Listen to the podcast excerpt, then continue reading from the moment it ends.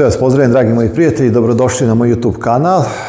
I danas ćemo razmišljati, kao što sam najavio, o smislu ili svrsi ljudskog života u svetu koji se ruši, koji se raspada.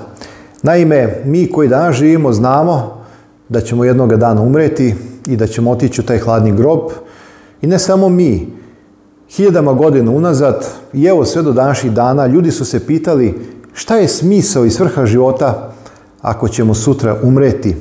Šta je smisao i svrha života ako patimo, ako se mučimo, ako se borimo, a onda jednoga dana sve to moramo da ostavimo? I ono što je najbitnije, kao što su postavili mnogi filozofi, naučnici u istoriji, mudraci, jeste šta je čovjek na ovom svetu? Ko je čovjek? Od kuda je došao i kuda ide? Šta je svrha života kad je čovjek prolazan? Danas ga ima, a sutra ga već neće biti. Ove misli koje želim da podijem sa vama danas svakako počinju sa jednim tekstom koji sam nedavno pročito od Tolstoja, a koji kaže ovako. Umire jednako siromah koji je željan korice hleba, kao i bogataš, čije su riznice pune blaga. Bez obzira da li nam je život majka ili maćeha, na kraju svi jednako umiremo. Naime, vi znate i svakako svi vi koji ste istraživali imate, ja vjerujem već sada neke odgovore, ali dobro je da još malo promislimo. Ja vjerujem da je Bog taj koji je sve stvorio, na kraju krajeva i vidite kanal Biblija uči, pozivam se na Bibliju, vjerujem da je Biblija nadahnuta reč Božja, da je u njoj sam Bog govorio kroz proroke apostole, da nam je otkrio svoju ljubav i da nam je otkrio svoju volju. Ja vjerujem da je Bog u početku stvorio svet. I kada čitate na prvim stranicama Svetoga pisma, vidite da je Bog stvorio sve dobro. I dobro beše veoma. Bog stvara ex nihilo. Bog stvara bara, ne asa. Bara znači da nije koristio postojeću materiju. Iz ničega je stvorio svet. Bog reče i pokaza se, zapovedi i tako dalje. I onda imate onaj jeverski paralizam gdje Bog prvog dana stvara prostor, drugog dana ispunjava pa onda stvara prostor, pa ispunjava, pa stvara prostor, pa ispunjava, jel tako, kopno drvećem, živim svetom, mora ispunjava ribama i morskim životinjama, nebo ispunjava pticama, a onda sedmi dan ostaje bez paralele, on je posvećen i blagosloven i to je bila neki način kruna stvaranja. Bog je stvorio čovjeka šestog dana, Adama i Jevu i kad je sve završio, kaže tekst, gle, dobro beše veoma. A onda im je dao zapovest, Rađete se, množite se i napunite zemlju. I čovjek je trebao da živi večno, u večnoj harmoniji sa Bogom i jedni sa drugima u radosti, gdje nema vremenitosti, gdje nema prolaznosti, gdje nema bolesti, slabosti, umora, gdje nema smrada, ni znoja, ni otpadaka, ni, ni bilo kakvih elemenata koji zagađuju jer Bog je sve stvorio veoma dobro, savršenstvo. Adam je trebalo da posećuje presto Boži. Jov prva glava nam otkriva da je Bog stvorio i druge svetove, sinovi Božji su dolazili na sabor, oni su se okupljali, Adam je trebalo da bude predstavnik naše zemlje i o tome možete čitati u prvoj knjizi o Jovu, međutim pojavio se Sotona zato što je Adam ostao kao poražen i više nije bio sin Boži u tom nekom smislu, nego je bio rob greha.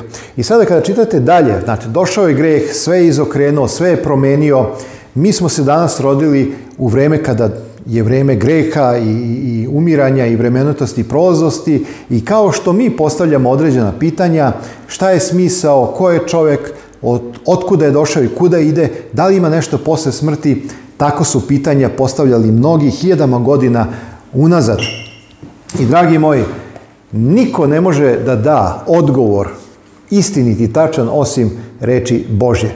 Zato što Isus koji je došao u telu i koji je otkrio istinu prorocima i tako dalje je onaj koji prevazilazi ovaj svet. Onaj koji je pre nego što se Avram rodio, onaj kroz koga je sav svet stvoren i zato jedino u reči Božje, u Bibliji imamo prave odgovore koje danas želim da podelim sa vama, da osmislimo ovaj naš život – da, da razumemo i da se radujemo što ovaj naš život, iako sada živimo u grehu, iako sada smo okruženi smrću, bolestima, nevoljama, problemima, ipak vredi se boriti jer mi imamo nadu. Imamo to konačno, konačno iščekivanje uh, onog budućeg, boljeg sveta, kao što kaže apost, apostol Jovan u otkrivenju i videh novo nebo i novu zemlju. Mnogi ljudi koji su bili verujući, Crpili su snagu iz te istine da postoji bolji svet za koji se treba i valja boriti. Isus je na kraju krajeva došao da bi nam obezbedio tu budućnost. Kao što kaže apostol Pali u vrema poslanici, zato Isus uze telo i krv da smrću satre onoga koji ima državu smrti, to je đavola. I da izbavi sve one koji straha od smrti behu robovi. Dragi moji, mi živimo u ovome svetu, ali mi ne moramo više biti robovi ovoga sveta, duha ovoga sveta, drugim rečima duha djevolskog koji nas pokorava. Jer smo sada posinjeni kroz Hrista, kao sinovi i kćeri Božje smo pozvani da živimo na slavu Hristu i Bogu. I Bog nas je postavio iznad svake vlasti i poglavarstva ovoga sveta i dao nam je vlast da imamo veću silu i snagu nego što ima greh. I možemo se odupreti u ime Hristovo i možemo živjeti u veri iščekivajući onaj bolji svet. Ali da se vrati na onaj početak. Prosto sve ono što je Bog stvorio sa svrhom, sve ono što je stvorio sa ciljem, a, greh je izokrenuo, izobličio. I ljudi su počeli da postavljaju pitanja koji su se rodili u vrijeme kada je već greh zavladao. Šta je smisao kada ćemo sutra umreti? Zapazite knjigu proroka Isaija 45. poglavlje 18. stih. Jer ovako veli gospod koji je stvorio nebo, Bog koji je sazdao zemlju i načinio je i utvrdio i nije stvorio na prazno, nego je načinio da se na njoj nastava. Ja sam gospod i nema drugog. Evo samo jedan tekst koji govori da Bog sve što čini radi sa svrhom, sa ciljem. On nije stvorio svet, ovaj naš svet i ostavio ga da bude prazan, nego je načinio čovjeka da na njemu nastava, da osmisli ovaj svet, da se brine za ovaj svet, da se rađi i razmnožava. Bog je rekao Adamu i Eju, rađite se i množite se i napunite zemlju. Drugim riječima, u pitanju je prokreacija, što znači stvarati umjesto.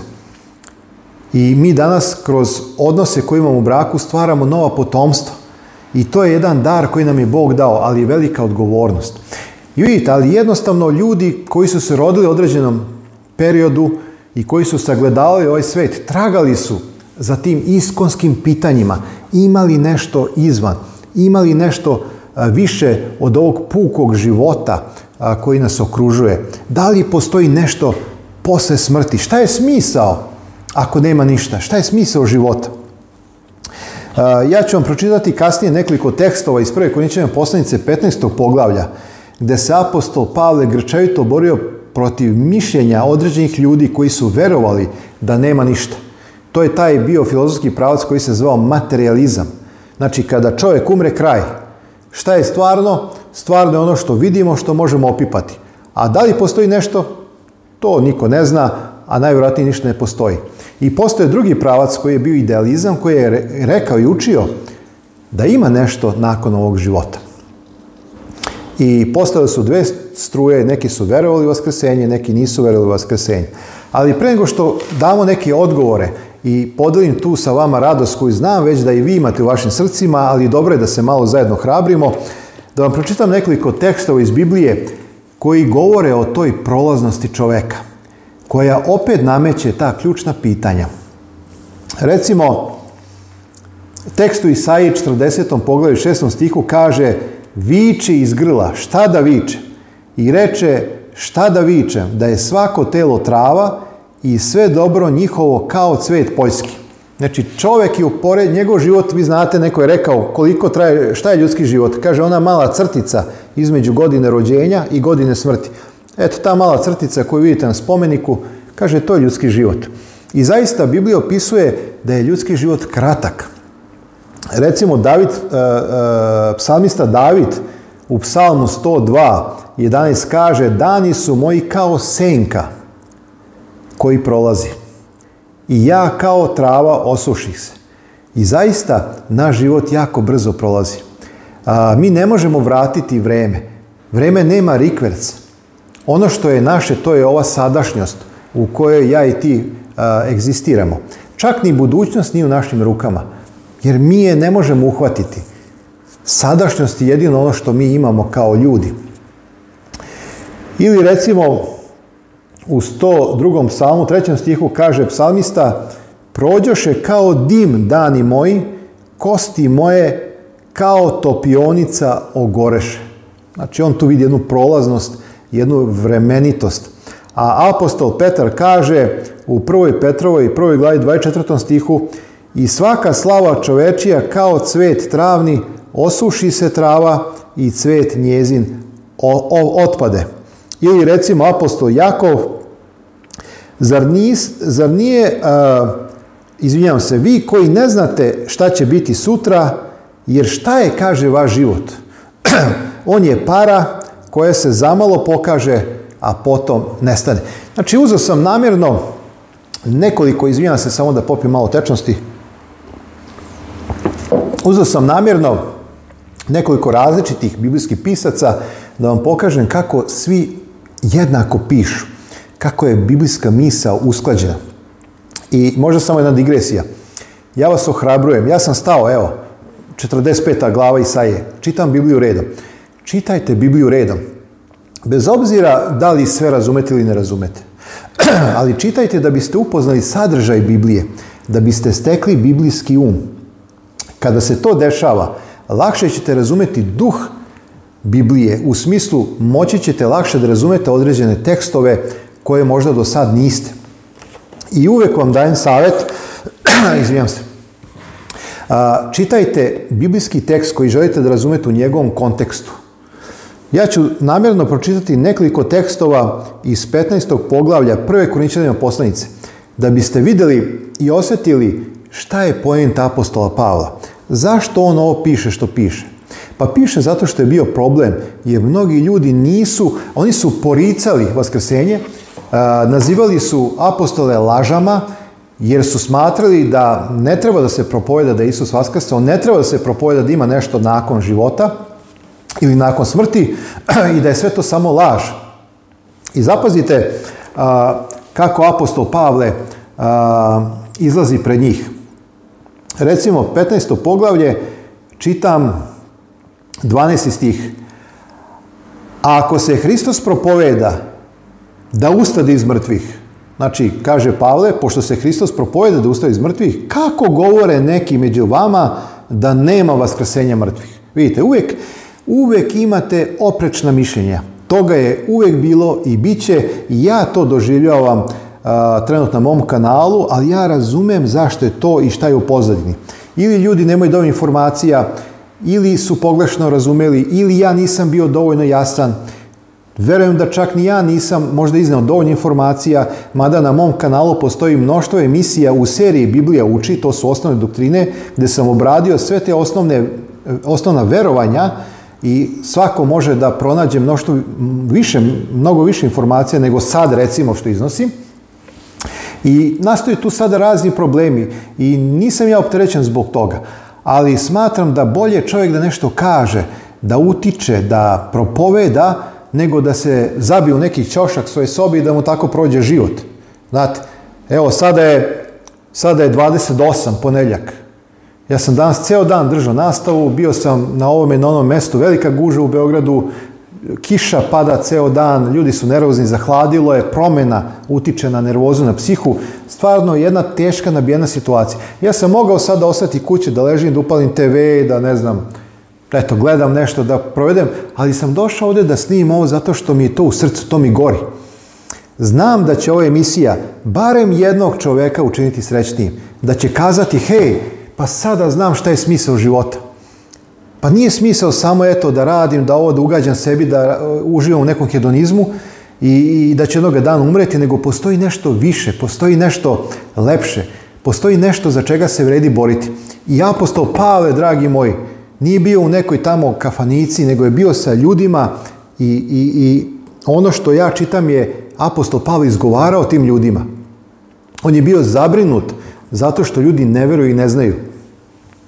I kaže, ako nema vaskresenja mrtvih, to ni Hristos ne usta. A ako Hristos nije ustao, uzelo dakle propovedanje naše i uzelo je vera vaš. Drugim riječima apostol Pavle kaže, onda ja gubim vreme.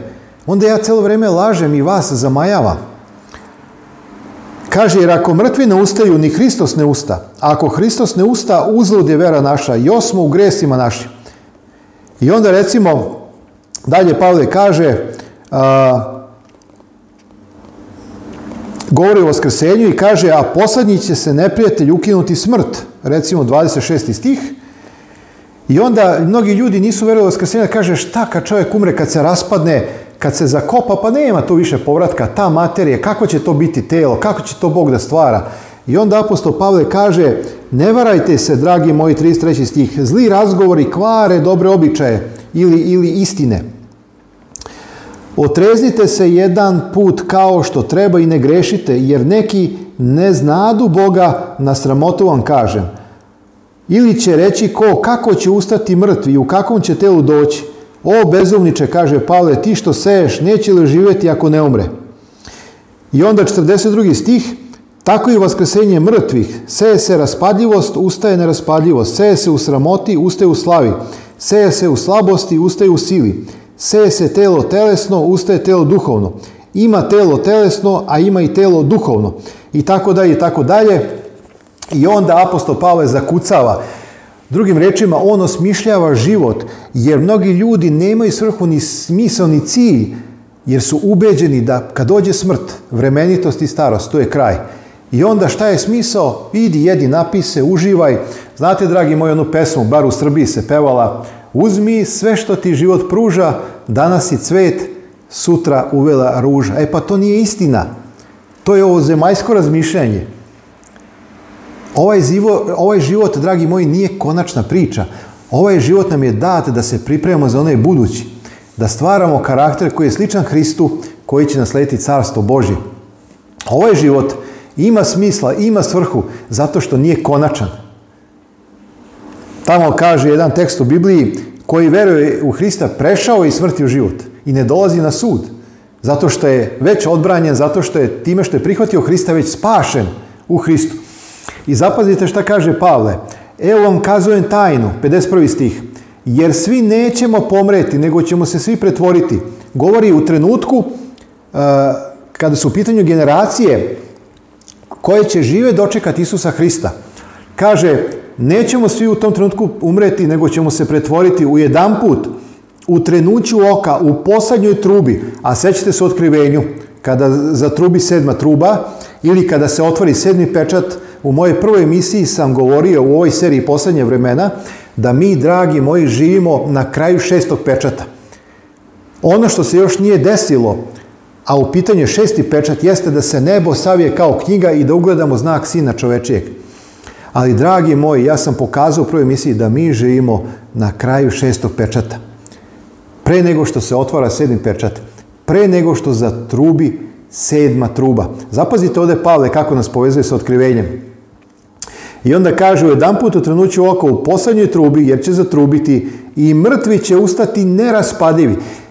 Ne mogu da vam objasnim ja kako će to izgledati, ja to ne znam, ali će ustati neraspadljivi. Sigurno neće ustati u nekoj vremenitosti, u nekim, sa nekim borama, ne, nego će ustati u toj večnoj mladosti. Bog će učiniti da čovjek izgleda kao što izgledao Adam i Eva.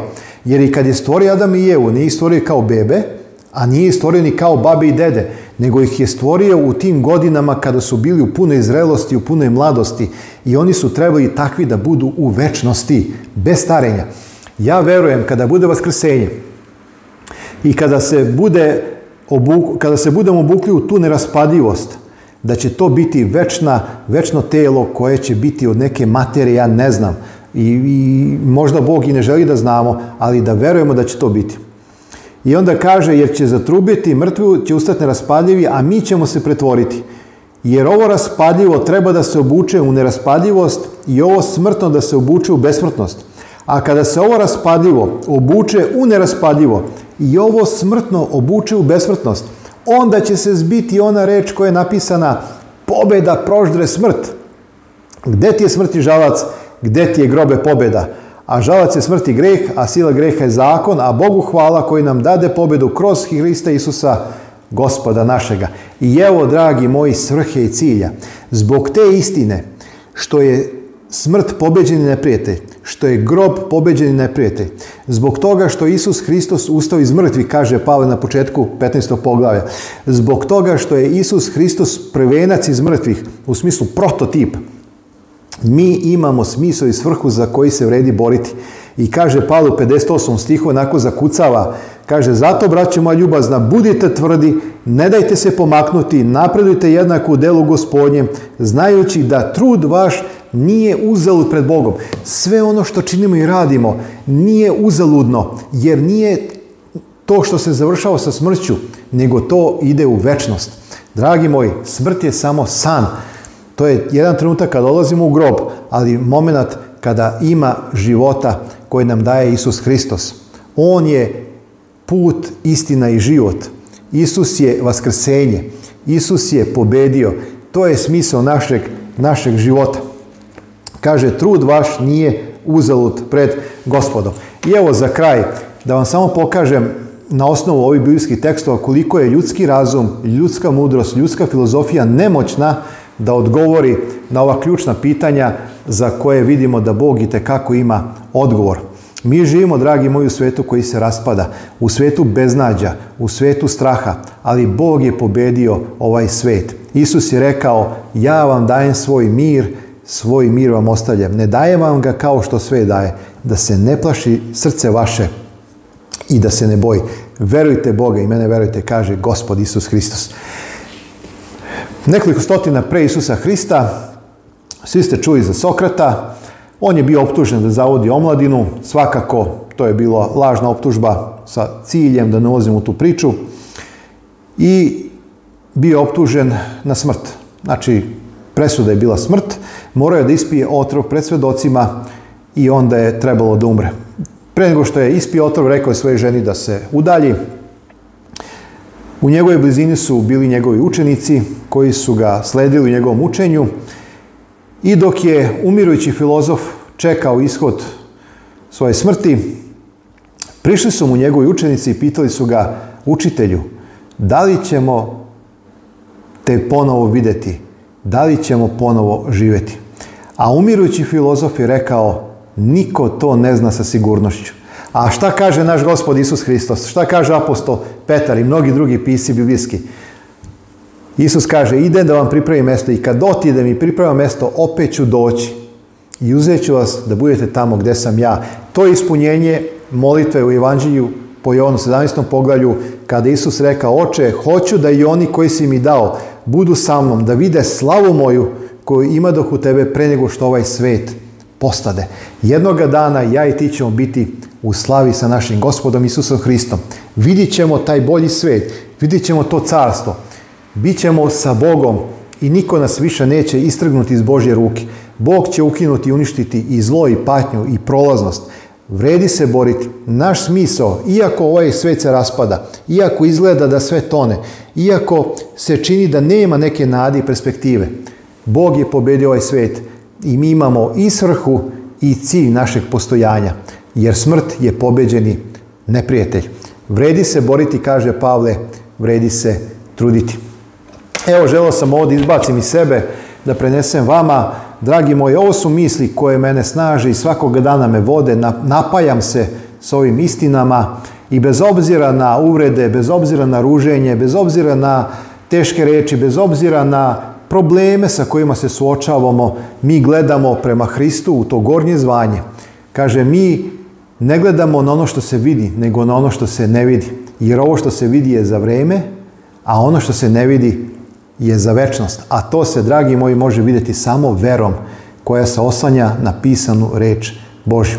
Svakom dobro želim i vidimo se uskoro u novoj emisiji. Neka vas dragi Bog blagoslovi. Amin.